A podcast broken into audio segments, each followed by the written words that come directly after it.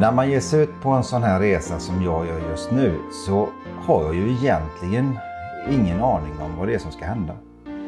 Det enda jag vet är att jag kommer att träffa en massa härliga människor som alla har en passion för det de gör. Men det är också en massa hästnamn som jag inte har en aning om och aldrig hört talas om. Och det är en massa personer som nämns som jag aldrig har hört. Eh, och ibland så tycker jag att det är bäst att bara låta det vara.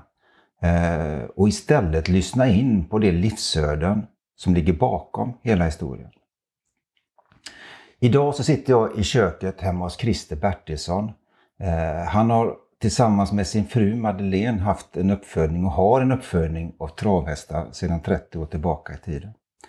Eh, och jag kan lova dig att det kommer att bli en helvetes resa. Eller en himmelsk resa. Eller kanske det är en resa som rör sig emellan de båda spannen och mestadels är lite mitt emellan. Men det jag kan lova också det är att det kommer att vara en resa på liv och död. Hej Christer! Hej Bengt! Tack så mycket för att jag får lov att komma hit till dig idag.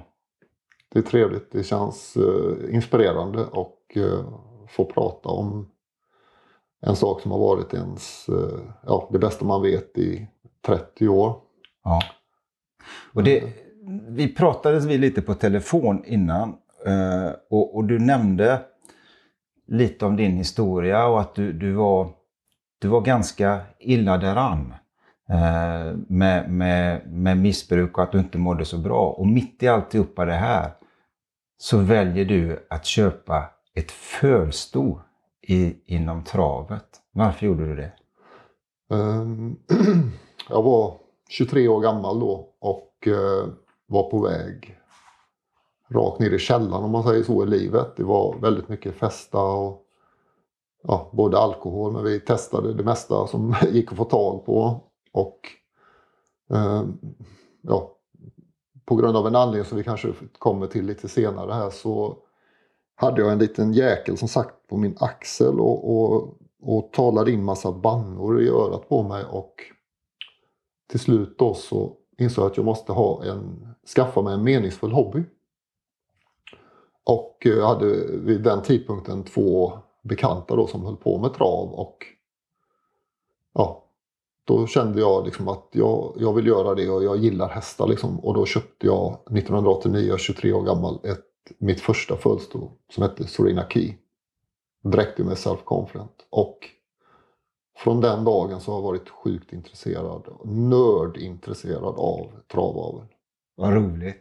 För det, för det som är intressant, som, som jag kan se på det, det är just den här biten att, att jag menar, om man är inne i det här med, med alkohol och droger så vill man ju ha en, en kickback direkt på någonting. Mm. Men ett, ett fölstod, den, den kickbacken kan ju dröja egentligen tre, fyra år innan man ser det egentligen vad som händer.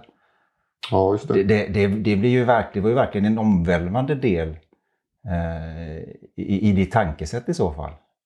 Ja, det var det vart en stor omställning i och med det här köpet för att jag, jag kände ju liksom inne i eh, hjärnan eller i hjärtat att jag behövde göra en, en ganska stor omvändning i livet för jag var på väg ut för då och jag eh, sa upp lägenhet och eh, jag sa väl inte ordagrant upp bekantskapen med de kompisarna eller gänget som jag umgicks med utan jag, jag köpte Sorina då och eh, sa upp lägenheten i Varberg och så flyttade jag ja, 3-4 mil eh, ut på landet i Falkenberg då och bodde i en ganska sunkig lägenhet uppe på stallet där Sorina stod då, hyrd av min syster och hennes man. Okej. Okay.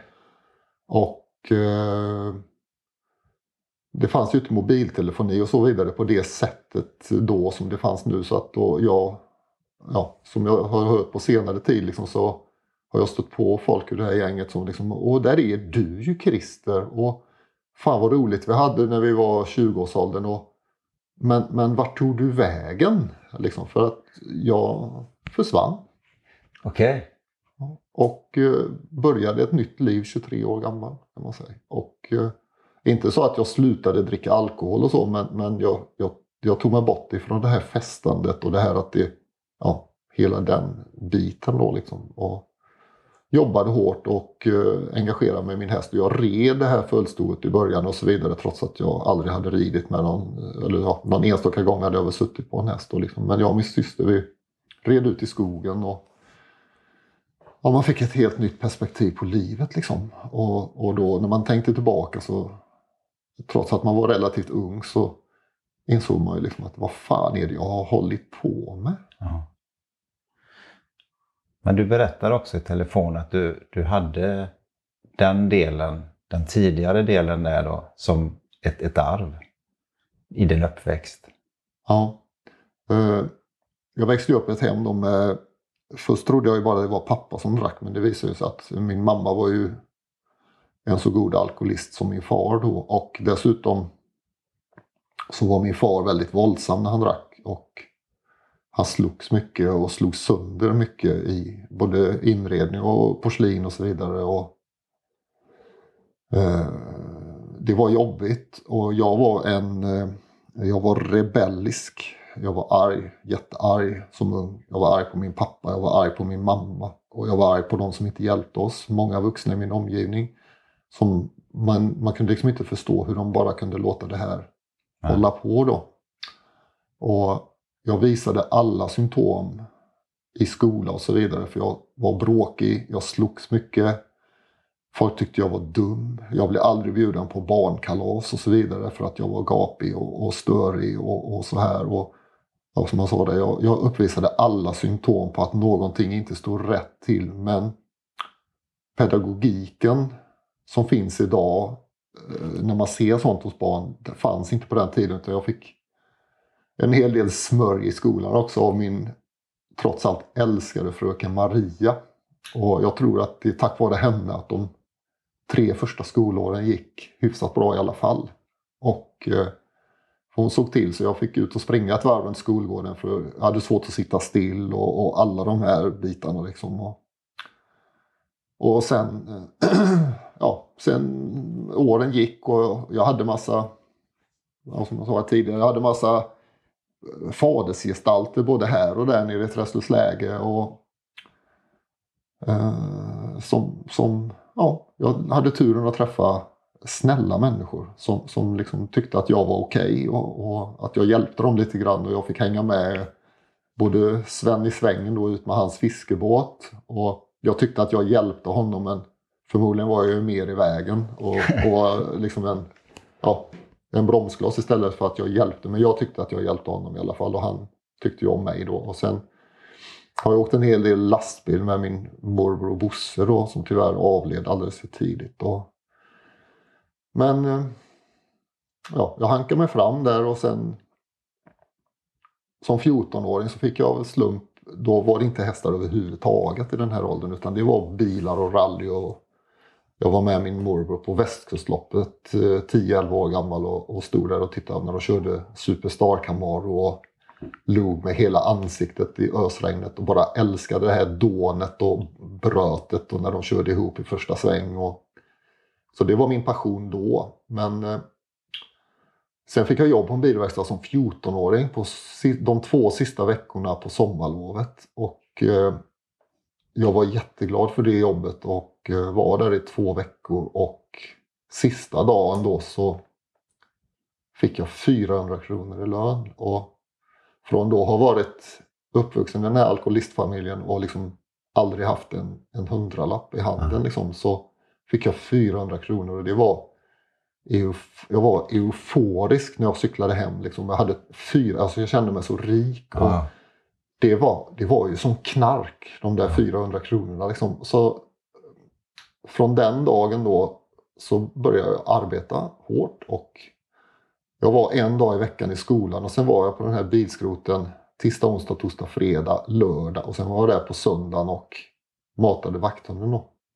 Så, såg du den som en liten flykt undan också? Komma hemifrån kanske till, till en annan miljö? Absolut. Den här, den här bilverkstaden och skroten där, det var, det var ju min oas. Liksom. Det var ju min, min frizon. Och, eh, betydelsen av djur, den inser jag ju. Det förstod jag ju inte då, men den här stora chefen, alltså jag var så rädd för den här vakthunden i början. Alltså, han hette Glufsen, en stor jättesnygg schäferhund. Och han och jag, vi varit sådana kompisar och jag hade honom lös ute i Knarråsen och jag fick kasta pinnar ut i Onnarfloen. Det är en liten in, insjö i Träslövsläge då. Som, och jag kastade ut pinnar där så han skulle bli våt. Så hade jag med hundschampo för han var ju ganska impregnerad av oljor och Ja, skit. ja. Liksom, så jag försökte tvätta honom där. Liksom. Han hade svårt att stå still för han var väl ja, han var så lycklig den här hunden. Liksom. Så vi hade några fantastiska år ihop, jag och den här hunden. Och, ja, och, och, och som sagt, jag var på jobbet från sju på morgonen till klockan sex på kvällen. Hela hösten, över nyår. Jag var där ja, från sju på morgonen till sex på kvällen på vardagar. Jag var där på lörd när vi hade lördagsöppet och jag var där på söndagar. Och sen i mars då, eh, när jag skulle fylla 15 så gick jag in till min chef Peter Karlsson. Han, alltså han, det känns som att han räddade livet på mig med det här jobbet. Så, så hörde du Peter, idag tänkte jag kolla om jag kunde sluta klockan fyra. Oj, så tidigt. Ja, va? Har det hänt någonting? Nej, men jag tänkte om det går bra så skulle jag gärna vilja åka hem klockan fyra idag. Ja, ja, det är klart. Vad, vad är det? Nej, det är så här att jag fyller 15 år. Ja, ja, du kan sticka hem nu. Uh, nej, det behövs inte. Jag jobbar till fyra. Nej, åk hem nu och sätt, skriv upp åtta timmar i din bok. Så jag kommer sen. Och så, så jag, jag kommer inte ihåg om jag hade fått min moppe då eller om jag cyklade hem. Jag cyklade hem då liksom och så tog det ett par timmar så knackade det på dörren och då står Peter där. Och eh, med så har han en stor bricka i silver med rostbiff och en lika stor med potatissallad. En back läsk. Ett flak starköl till de vuxna. Okej. En flaska Kalua likör som jag ska bjuda farmor på. Två bärkassar med salta pinnar, chips, popcorn, ostbågar och så vidare. Och sen får jag en sån här Hitachi bergsprängare då, som var det värsta i musikverk som man kunde ha på den tiden. Wow. Och så sa han liksom grattis på födelsedagen, vi ses imorgon. Vad Och det var liksom första gången jag kände liksom att alltså, vilket, han gillar mig, vilket förtroende. Liksom. Och, och jag blir fortfarande rörd liksom, och jag, jag har ju talat om det för Peter att eh, Fan Peter, jag tror du räddade livet på mig när du gav mig det där jobbet. Alltså, för det, det var liksom redan då jävligt illa med... Ja, det var mest skit i livet. Liksom. Och så, sen jobbade jag där liksom tills... eh, Och lärde känna många människor. Och jag var ganska duktig. Jag kunde liksom göra en, en tom kaross till en komplett körbar bil själv. Och då var jag liksom 16 år. Jag byggde en vinnarbil i folkrace när jag var 15 år med störtbåge och tävlingsstol och trimma motorn och, Jävlar. och så här. Och jag lärde känna då, då introducerade Volvo en racingklass i Sverige som hette Volvo Turbo Cup. Och det var tre stycken, Per-Gunnar Peggen Andersson från Falkenberg, Alf Loreen, Pappskallen här i Varberg och Kurt Osten Olsson då. De skulle köra den här klassen. De var på jobbet alla tre. Och Ja. jag tyckte det var jätteinspirerande och kul. Och Osten då, Kurt, han höll ju till eh, inte så långt ifrån Trästens läge så det slutade med att jag skulle börja hjälpa honom att meka då. Så det gjorde jag och vi var i Anderstorp och då fick jag köra hans racerbil. 15 år gammal och köra en silvergrå Volvo Turbo racingbil i en depå. Liksom. Det var i himlen. Liksom. Och, Ja, sen, jag förstår. Fy fan. och sen gick jag där på jobbet och rätt vad det var så kom han och Hörru du Lilleman, har du pass? Nej, det har jag inget. Jag har aldrig varit utomlands. Liksom. Då får du fixa det nu för nu ska vi till Donington i England här och köra en tävling. Så då 15 år gammal då fixade jag pass och så var jag med honom som mekaniker på Donington Park i England. Och sen, men sen slutade han att köra. Sen hjälpte jag Alf istället med hans racerbilar och sen kom det väl andra intressen emellan. Och... Men då, då fanns inte häst på kartan. Liksom. Det var... Men fanns, alltså hade du redan på den tiden själv börjat använda alkohol och sånt där? Eller? Ja, jag Det- alkoholdebuterade alldeles för tidigt. Okej. Och vissa då vuxna de tyckte ju det var kul att Ja. bjuda, bjuda en 14-15-åring på sprit naturligtvis också. Men jag blev ju väl omhändertagen också då liksom. Men, men eh, det är en sån liten tagg än idag liksom att jag alkoholdebuterade så tidigt och framförallt att man drack så man stupade liksom. Och det höll jag ju på med liksom i hela ungdomen för det det är väl ett arv som man får med sig i ett alkoholisthem. Liksom att du dricker ju inte en grogg utan du dricker ju till flaskan är tom. Okay. Det var ju så det gick till hemma då. Ja, det, var ju, det här är ju, det här är ju 70-talet. Det är klart, det var ju en annan alkoholkultur på den tiden med. Ja. Eh, det var ju, på det viset så fanns ju alkoholen mycket mer närvarande egentligen i, inom, på många ställen där den idag överhuvudtaget inte existerar. Absolut.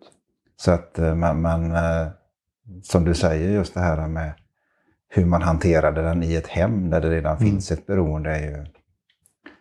Ja, det var till det tog slut. Ja. Och jag, jag tidigt när vi var där i England så det fattade inte jag. Så då, på båten där så köpte jag en eh, Chivas Regal, en gallon. Eh, Det är lite, Ja, det jag kommer inte ihåg stor. vad mått. Ja, och det Nej. var med handtag och så här liksom. Och Chivas Regal. Och jag kom, den var inte särskilt dyr så på båten kanske. Det var ju taxfree och det här. Men, och sen, sen när vi skulle åka i land då så satt ju Osten då, Kurt och, och Håkan och Irene och de hade en husbil som åkte med och, och pratade då liksom hur, hur mycket sprit har ni och, och hur mycket sprit har jag? Oj, oj, då är det på gränsen och så säger jag då som är mindreårig, ja, jag har en gallon Chivas Regal också. Men vad i helvete lille man! ja, då blev de oroliga. Men vi klarade oss ifrån tullen den gången då. Ja. Men den, den fick jag ju gömma men tyvärr hittade min pappa den och öppnade den. Okej. Så det, jag, jag fick inte själv för jag hade alkohol som 14-15-åring utan det var mera oj, oj, titta här vad min, vad min pojk hade liksom, och sen drack han upp den. Ja. Så, så var det i vårat hem. Sen gick åren där och vi höll på med både det ena och det andra och lite, ja, det var, ja, det är väldigt mycket mörka saker med bilstölder och skit och vi, vi tjänar snabba pengar där på lite sådana grejer och, och sen kom man ju då till det här när man stod där i vägskälet som 23-åring liksom och jag hoppade åt höger och hoppades på att det var rätt väg och köpte den här hästen och Var du, de, de här... Eh, vilka var de personerna som, som du i det läget kom i kontakt med på, på travet och med hästar? Ja, det var um, den här bilskroten då. Han, han, de var ju, det är oftast välbärgade människor som håller på med racing. Då. Den ena hade en, en eh, takläggningsfirma. Och eh, då, då var det så här att eh, när Volvo skulle börja skrota sina bilar själva då fick den här skroten som jag hade arbetat på, det var en ren Volvo-skrot, då fick de inte längre några bilar. Så den, den, den hade ju liksom levt över då. Den, Ja. där, jag vet inte om det gick i konkurs eller om den lades ner då. Och när jag satt där och berättade det för Alf som jag hjälpte med hans racerbil att ja, nu har jag snart inget jobb längre för att eh, vi ska inte få några fler bilar från Volvo för de ska börja skrota och sälja begagnat själva då. Och då eh, gillade väl Alf mig så mycket så då tyckte jag men vad bra då kan ju du börja jobba för mig. Okej. Så då blev jag papptakläggare. Ja. Eh, och och det, det var en väldigt burdus eh, människa, Alf då, som tog mycket plats och hade ett fantastiskt stort hjärta. Ja. Och eh, eh, ja, tidningsurklipp. 1985 så var vi på Helsingborgs Motor och Hot Rod-mässa i, eh, ja, i Helsingborg då. Och då, då skulle vi under mässans gång då tog vi in en tom kaross och så skulle vi montera framvagn, bakvagn, kardan, lägga i motor och så vidare. Så skulle vi bygga en racingbil under mässans gång då. Och eh, det gjorde vi. Och det var, också, han var, hade sponsring av Bacco då liksom. Så Bacco på bilen så var den svart och guld liksom. Och så låg jag skruva med helt nya grejer och helt nya verktyg och sånt. Och det, Ja. det är också väldigt minnesvärt. Och jag lärde känna Åsa Johansson, det är Stefan Lillövis Johanssons lilla syster på den. Eller lärde känna, men jag har faktiskt dansat med henne. Ja. Och eh, då på, på- den här takläggningsfirman så jobbade Stefan Helgesson. Och han och hans familj då, de hade travhästar. Ja. Och eh, det hade då Stefans kompis Kjell Börjesson som drev vagnmakaren. Jag tror vagnmakaren som för Kjell är död, Erna hans hustru lever. Eh, Vagnmakaren är nog fortfarande i drift. ja, men det är det. Ja. Ja. Eh, Men det var han som startade det i Veddige och drev det i många, många år. Och, och eh, han höll på med trav då. Och det var lite så jag fick... Jag var hemma hos Kjell och körde någon snäll, ett sto som han hade köpt efter Snackbar. Jag kommer inte ihåg vad hästen heter, men hon var efter Snackbar i alla fall. Så det är några år sedan. Ja. Och, och kände. Men jag, det var någonting jag kände med hästarna liksom, i, som gick rakt in i hjärtat. Liksom, att de här de har inga förutfattade meningar och är jag snäll mot den så är den snäll mot mig. Och, och på den vägen. Och, och Stefan Helgesson han hade Gary Abel och Minette Count och lite sådana här hästar. Och, ja, det var ju på ren amatörnivå liksom och det, något lopp vann de men, men oftast gick det inte så bra. Men ja. Det fanns, en, det fanns ändå liksom deras, deras passion för det liksom, och, och du, Mm. kände, du kände direkt den här kontakten med, med Ja. hästarna. Så att, Ja. eh, fick du möjlighet, var det, var det utav dem du köpte? Nej. Sorina Key hittade jag, jag tror till och med det var på den tiden, så jag tror- undrar om det inte var en annons i, i ATL. Det var Okej, inte ens ja. ett trav och galoppband utan det var ju det här annonsbladet för lantbrukare och sånt där. Och, Ja. eh, och det var i Vessigebro. Bo Erik Olsson hette han. Eh, och, och han, jag köpte Sorina Key, det var Rodney Key med eh, Ego, nu ska vi se, ja jag kommer inte ihåg vad mamman heter, snart kommer jag ihåg det. Men det var i alla fall gammal mod, mo, inom moderstammen så var det Rosenella som vann derbyt 1907 och det var Eko Will och Bambina. Ja, det var, det var Margareta Wallenius Kleberg. Hon kommer ju väl ihåg för det var Big Noon på Mödernet. Ja. Och den här dottern då, om det var Sorinas mamma eller om det var mormor. Den hade hennes far haft. Den, gick, den var så snäll så den gick som en gårdshäst där på Ekeröstuteri en gång i tiden. Okej. Och, och det, var, det var bara en anekdot. Men, men liksom... Och, och, men den där, jag hade ingen aning vad Rodney Key var. Jag hade inte liksom... Och hon var direkt med self-confident. Och, och, och, men, men det var en dräktig travare. Liksom. Det var eh, på min... Liksom, ja, jag hade ingen, ingen som helst aning. En stor fin häst, snäll så in i bomben. Och, och den köpte jag. Och så fick jag mitt första föl då, ett sto, eh, 1990 efter self-confident.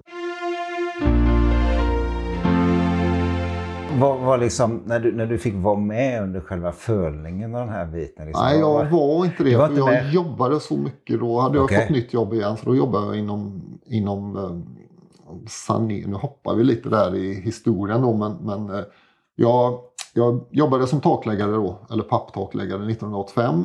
Och när jag skulle mönstra först så hade jag, jag hade inga jätteambitioner av att göra med militärtjänst då. Nej. Men Alf då, han var av en helt annan inställning. Så han talade väldigt tydligt om för mig att kommer du hem med en frisedel så ska jag dra på dig en kjol pojkajävel.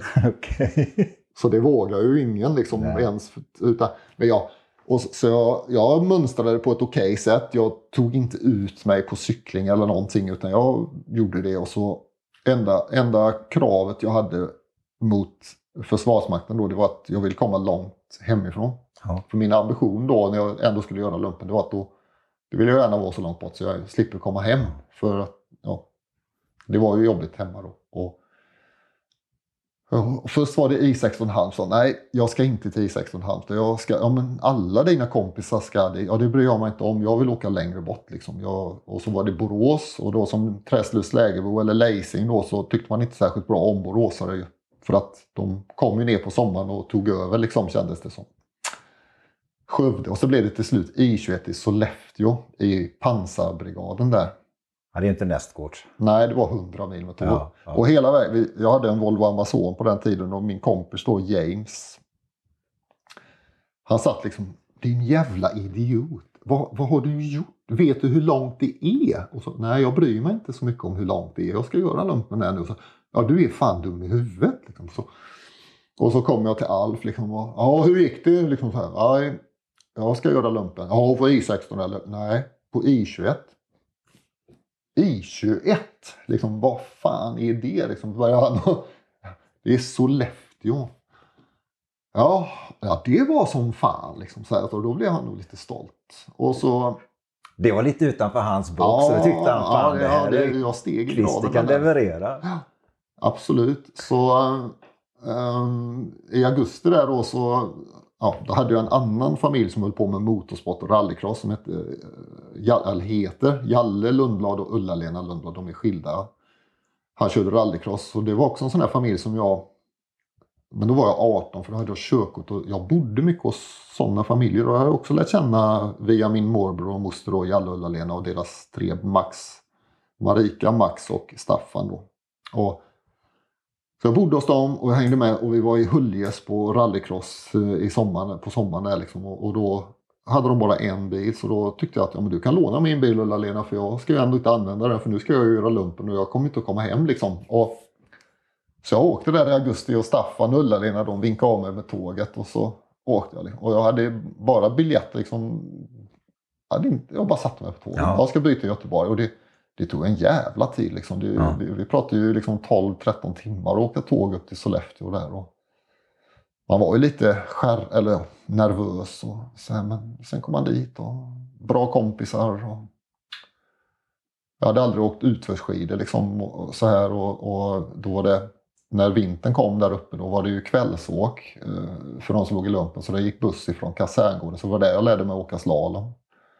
Min skidlärare som jag fick köpa ett par begagnade K2 av, han hette Anders Forsberg. Och det är också en sån här anekdot. Han, var, han höll på att tävla i puckelpist då, på 85-86 och han blev sedermera eh, svensk förbundskapten i puckelpistlandslaget. Så han var förbundskapten där under OS i Lillehammer och OS i Sochi. Oh, och han har tränat eh, Skellefteå AIK och två SM-silver i den SHL-klubben. Han har tränat Modo och han, nu tror jag han jobbar med Timrå BK. Då. Så jag har en anekdot där för jag köpte ju de här skidorna 1985 av honom.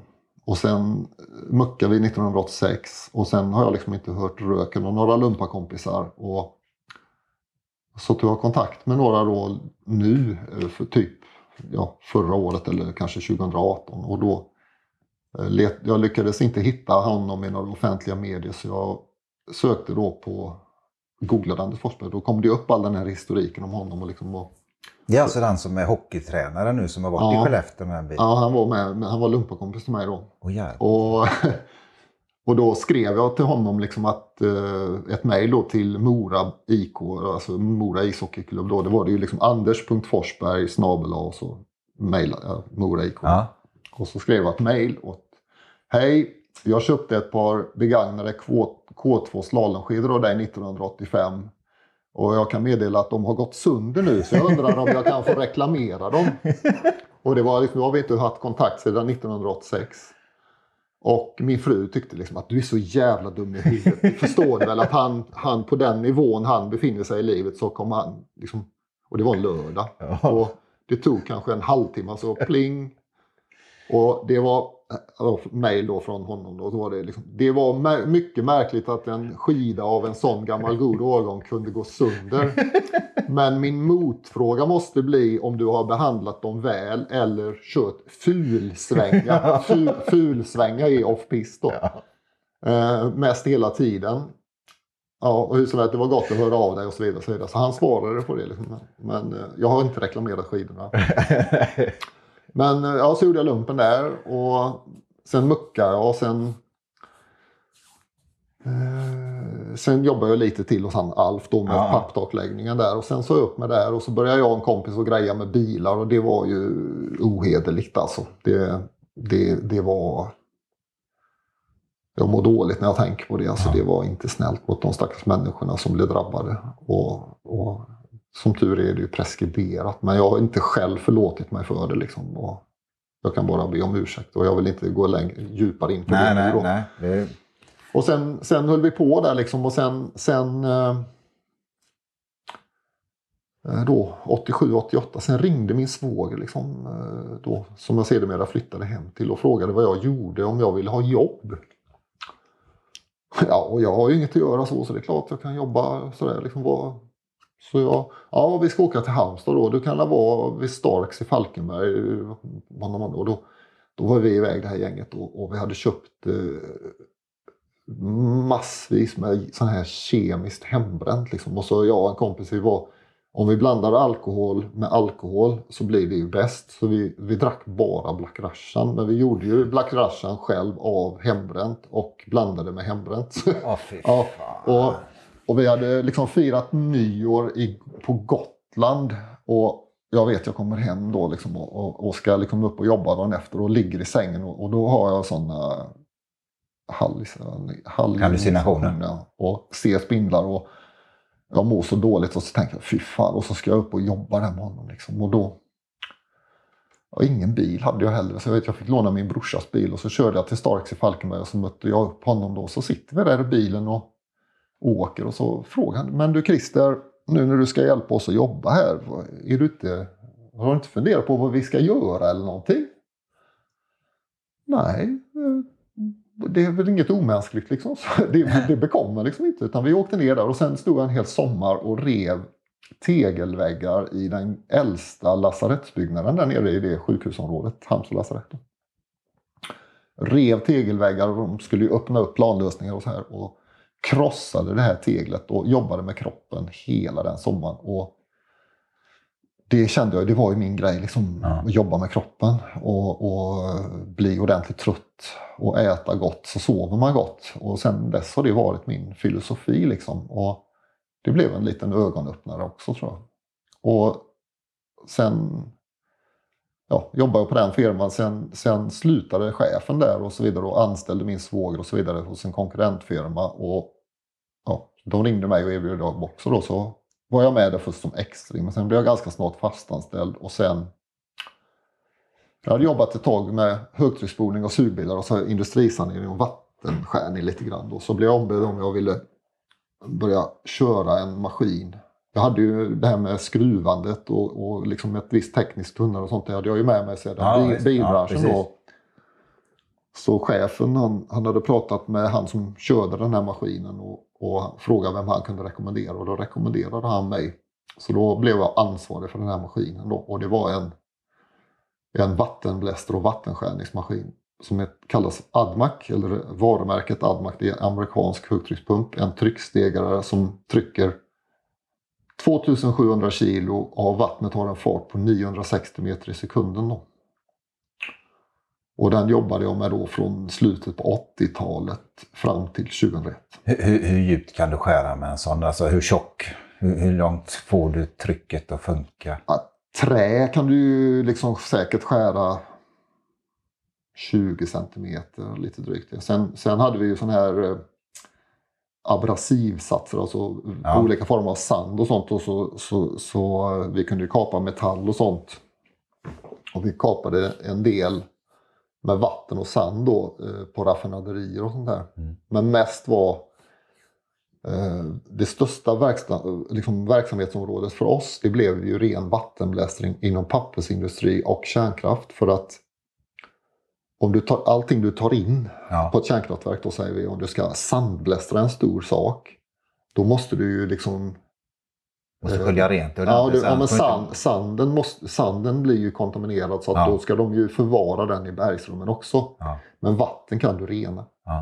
Så att vi, vi hade ju en filteranläggning då så att i stort sett blev det ju bara färgpartiklarna som behövde omhändertas och lagras. Allt annat, liksom vattnet renades och sen rann det ju ut, filtrerades och renades. Sen rann det ju ut i deras avloppssystem. Så det blev ju en jättestor grej där. Så jag har ju varit på alla kärnkraftverken i Sverige och arbetat med det här. Och på många pappersbruk. Och jag har legat på torpedrör i ubåtar och vattenblästrat ubåtar på Kockums. Jag har varit på pappersbruk i, uppe i Piteå-trakten och runt om i Sverige. Och, När, när man kör sådana här grejer så, Mm. så det låter ju lite som med, med min erfarenhet av där du ligger borta på jobb. Vi, vi pratar inte åtta timmars dagar i det här läget va? nej. Det längsta passet var 36 timmar och en gång blev jag uppringd. Jag var i Grums och arbetade så blev jag uppringd av eh, en kvinna som heter Ritva Palfi från lönekontoret på företaget. Och hon tyckte jag hade ställt till det för henne för jag hade lyckats få ihop 25 timmar på ett dygn. och hon, som hon sa, det spelar ingen roll hur jag gör för datorn, den, den accepterar inte detta. Så där har jag jobbat på olika konton då, så jag tyckte väl någon chef väldigt bra om mig, så jag hade väl fått en timme extra då på något sätt. Oh, så det var 25 timmar utbetalt på 24 timmar. Och det var man effektiv. Ja, ja, då jobbar man fort. Um, nej, sen höll jag på med det. Det mest spektakulära jobbet jag har gjort, eh, det kan du ju se när du ska åka upp mot Göteborg sen. Det var, vi blästrade det röda på den skorstenen som är på Ringas då, 90 meter upp i luften. Okay. Uh, vi hängde i en bananformad korg med gallerbotten Eh, i en kran som lyfte 140 meter. Då. Och när vi tryckte av den här, det var ju som jag sa då 2700 kilos vattentryck och 960 meter i sekunden. Då, när vi tryckte av den här mot skorstenen, den här röda färgen, så då for ju hela kargen ut ifrån skorstenen. Och då blev man ju naturligtvis väldigt rädd på den höjden. Och när man då släppte så åkte ju kargen rakt in i skorstenen och då tänkte jag nu dör vi nu river vi ner skorstenen här på Ringhals och dödar. Alltså du vet, han ja. tänker så jäkla mycket men det bara small ju i ordentligt då sen. Ja, så vi fick ju åka ner och hämta en liten flaggstångslin och lägga runt så vi höll in korgen då. Sen, sen, men sen hängde vi där uppe i några dagar och, och blästrade det här röda där. Och det, var, det, var, det var ganska fräckt. Och sen, jag har varit i, i tunneln i Hallandsås och också vattenblästrat på betong. Mm. Så man har, man har hjälpt många. Men då kommer vi in nu på själva fölningen, det första fölet. Eh, när du kom hem sen och fick se den här mm. krabaten, vad, vad, vad, tänkte du då?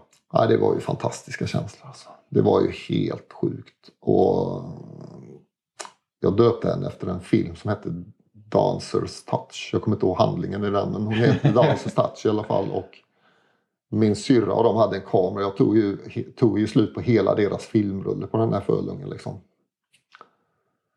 Och sen eh, var det en gubbe som höll på med hästar en bit därifrån som hette Stig, Stig. Han hette inte Stig i Gödeby men han bodde i Gödeby. Ja. Och jag har ju alltid haft lätt att kalla folk i min omgivning för så Stig Gödeby han kom bort.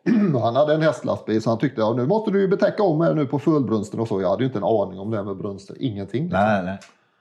Så då hjälpte han mig att lasta den här ja, Sorina Ki då, och så hennes förlunge. Så då åkte vi upp till Alvhaga stuteri i Fegen och så betäckte jag med den hingsten som stod där. Och han hette Biscayne Hanover. Och jag visste liksom, jag hade ju ingen kunskap att träna häst eller någonting. Och Dances Touch hon var ju kvar i, mitt, liksom i min värld. Men den här Jeopardy då som avkomma nummer två hette. Den köpte en kompis till den här Kjell han vann väl något lopp, sprang in 60-70 tusen. Be behöll du Dansens touch hela ja, tiden? Ja. Men vi körde in henne då, liksom, hon kom aldrig till start. Eller något sånt där, liksom. och sen, men sen, sen var man fast i detta. Liksom. Och var du inne redan där och då? För jag, jag hör ju klart och tydligt att du, du kan ju stamta du kan ju liksom avkommor och hela den här biten. Det går ju nästan som ett rinnande vatten. Men var du inne redan då i det här med att läsa? Ja, jag läste. Jag köpte ju mycket, mycket travlitteratur. Jag köpte ju hingstkatalogen varje år och, och liksom satt och läste stammar. Och, och, och historiskt bakåt i tiden och så. Men sen, sen Eh, sen, av någon, alltså jag... På något sätt liksom så kan jag läsa en stam en gång och sen, sen kommer jag ihåg mamma och pappa. Tyvärr då så ibland, jag kommer inte ens ihåg tränaren men jag kommer ofta ihåg vad mamman och pappan till avkomman heter. Liksom. Och eh, sen... Eh, ja, jag blev sjukt intresserad. Alltså det, det, det, blev en drog alltså i livet igen då med ja. hästarna. Liksom. Och, och jag brinner ju för det än idag liksom att läsa och, och mycket datorn idag då blir det ju med stammar och så vidare och blodbanken och allt vad det heter. Och... Men du, du kom aldrig in på det här med att, att, att börja, alltså träningen i den biten utan det var, det var mer att, att du ville du ville hitta den så att säga den perfekta avkomman eh, och den perfekta stammen? Ja, fina hästar och, och bra stam och, och, den biten. Det var ju det jag brann mer för avel. Samtidigt så, i och med att jag hade den här arbetssituationen som jag hade, att jag låg ute och så vidare, så insåg jag ju att jag aldrig skulle kunna träna en häst med kontinuitet. Utan då skulle det bli när jag var hemma då. Sen kanske jag var borta i 10 dagar eller 14 dagar. Ja, det. Och då var det ju ingen som... Nej. Det var ju bara jag då liksom. Och då, så det, det, men det tänkte man ju inte på när man köpte hästen. Liksom, Nej. utan då, då ville jag ha en häst och jag ville ha de här fölen och, och liksom... Eh, så ja, det, det, det, blev, det blev väl fel fast det blev rätt också. Det, det, är liksom det, här att det här målet liksom att tro att man kunde gå hemma och träna en häst och försörja sig på det. Liksom, det, det är jävligt svårt. Tror jag. Ja. Jo, men det, och det är ju inte kanske det som är den, den stora biten med den. För jag menar, som för din del här då, så har du börjat att svänga om. Det var, det var hästen som tog tiden utöver när du inte jobbade. Ja. Det var det. Och sen, eh, ja, men, men läser man på och ka- skaffar kunskap och ja, jag, jag vet inte hur många det är som, som håller på med trav som verkligen brinner för det. Som har det liksom, ja, som vi kommer att komma till här sen då med den här olyckan som hände mig senare. Då, då när man verkligen känner att jag längtar hem, jag längtar, det är hästarna jag längtar efter. Liksom. När, och man, all vaken tid, liksom, när du nästan du sitter och tänker på och, om man gör sig och så här och, och liksom man, man vill föda upp den, den extravaganta hästen. Liksom, då, då, då krävs det ju att man gör extravaganta saker och det gäller att tänka liksom om jag läser liksom att eh, jag är intresserad av en specifik hingst och så har jag ett, ett, ett sto och så tittar man då i, i datorn och så ser man att den korsningen, liksom, den hingsten med ston med det härstamningen hon har inte lämnat en enda häst som är bland de tio vinstrikaste efter den hingsten. Och då har, har hingsten betäckt ston med den härstamningen förut? Nej. Då, då är det liksom att jag kan, inte, jag kan liksom inte ta in den statistiken för jag vill ju göra en häst som är bättre än de tio bästa. Ja, det är klart. Och då kan man inte tänka så att jag kan inte betäcka det stort med den hingsten. För att det finns ingen avkomma bland de tio bästa som har den härstamningen. Utan jag tänker ju att jag ska göra den bästa. Ehm, och det, det, alltså det kan vara jävligt komplicerat att tänka så. Liksom, och hela tiden försöka Ta, ta det ett steg Ja, ta det ett steg Ja. till. Liksom det här och, och jag har alltid, alltså jag har, jag har liksom, jag, hade Simsil, eh, då syster till kriterievinnaren eh, Sim Zipper och mamma blev elitstor då och när vi skulle betäcka henne första gången så då var det ju somatisk somatic sto med halvfransk mamma. Nu ska vi jävla med göra hästen här liksom. Och då, så, då jag ringde och greja och boka och jag ringde och försökte prata franska och, och, och ringde till ett stuteri liksom, i Frankrike då där Kesaco Fido stod uppställd. Och jag är ju fruktansvärt dålig på, på engelska. Det är ju svengelska som min fru säger som jag pratar. Liksom, och, och jag försöker då. Liksom. Men då ringde jag och pratade med en fransyska där om Kesaco Fido. Och, Det var han du ville betäcka Ja. För han nu, sprang nu är inne på nörderier Ja, som är ja, långt utanför. och, och men liksom, är- Han hade sprungit in 17 miljoner. Han, på den tiden han såldes på auktioner där så var det väl det var något, något rekordpris för den hingsten. Liksom. Och, men i vilket fall som helst så ordnade det sig. Och Thomas Tell hjälpte mig lite grann då, han som var, hade hingstdepån i Östergötland. Och eh, det kom en transport och vi lastade Simsil och i, i Björkängs vägkrog och så åkte hon ner till Frankrike och som tur var så hittade jag ett stuteri eller en uppstallningsplats då där en kille, han hade varit och jobbat hos Claes Svensson, en, fran, en ung fransman, väldigt eh, trevlig kille som hette Ben. Eller, och han kunde lite svenska då. För, för att ta, vilket, vilket årtal ungefär är vi på nu? Nej, nu är vi nog faktiskt till och med inne på 2000-talet. Så nu har vi Så det är klart, då fanns, då fanns väl lite internet och sådana Ja, saker som man kunde använda i det ja, läget. ja. Men det, det, det är ändå intressant just för kontakter och sånt. Ja, ja det, det underlättar ju jättemycket. Ja. Och att jag bara Google, Google Translate det blir ju lite hej kom och hjälp mig när man använder det som en översättning. Men, men det funkar ju liksom. Och jag, jag vet jag ringde till en i Tyskland då som hade fölston till salu och pratade engelska med honom. Och, eh, min fru hon skrattar åt det än idag. Det är ju liksom 15 år sedan säkert när jag skulle avsluta samtalet med We say so though. men, men han förstod ju vad jag menade. Ja, det är klart. Och det, det, jag, det, jag är inte så noga liksom. Och, och liksom, det, är väl, det är väl en, också en sak som man kan lägga in liksom att med, med tanke på ens barndom då med, med två alkoholiserade föräldrar och liksom, när, när skolan började på hösten så behövde man ett par nya byxor och vi hade aldrig råd med det. Nej. Så skolgången, skolgången det är ju någonting jag saknar. Liksom. Att, men det fanns liksom inte att sitta hemma med böcker och försöka utan det, man var ju aldrig hemma liksom, för man trivdes inte hemma i det hemmet. Liksom. Och, och det är ju jobba. Och det, det är klart, alltså det blir utav den delen så använder man ju, det, det ser man, alltså det har, hel, hela din, den röda tråden egentligen ligger ju att, att använda mycket med händerna i Ja, det hela och, ja. och därigenom kunna klura ut saker och ting.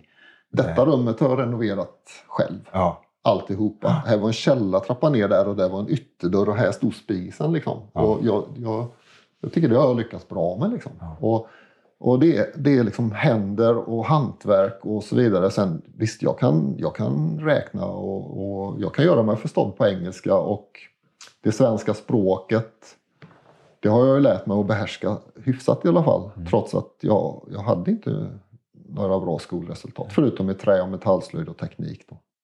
Du har nu lyssnat på första delen om Christer Bertilssons liv och mission som uppfödare och travhästar. Jag kände mig otroligt tacksam över förmånen att få sitta mitt emot honom och se den glädje och stolthet han kände över att skicka ett sto till Frankrike till en av världens bästa hästar, Gesacco Fedot. Och jag tänkte, vad skönt. Nu vänder det och härefter är det raka vägen mot framtida framgångar. Oj, vad jag bedrog mig. Det var nu det blev på liv och död på riktigt. Lyssna på Utan skygglappar för att höra andra delar. Finns där poddar finns.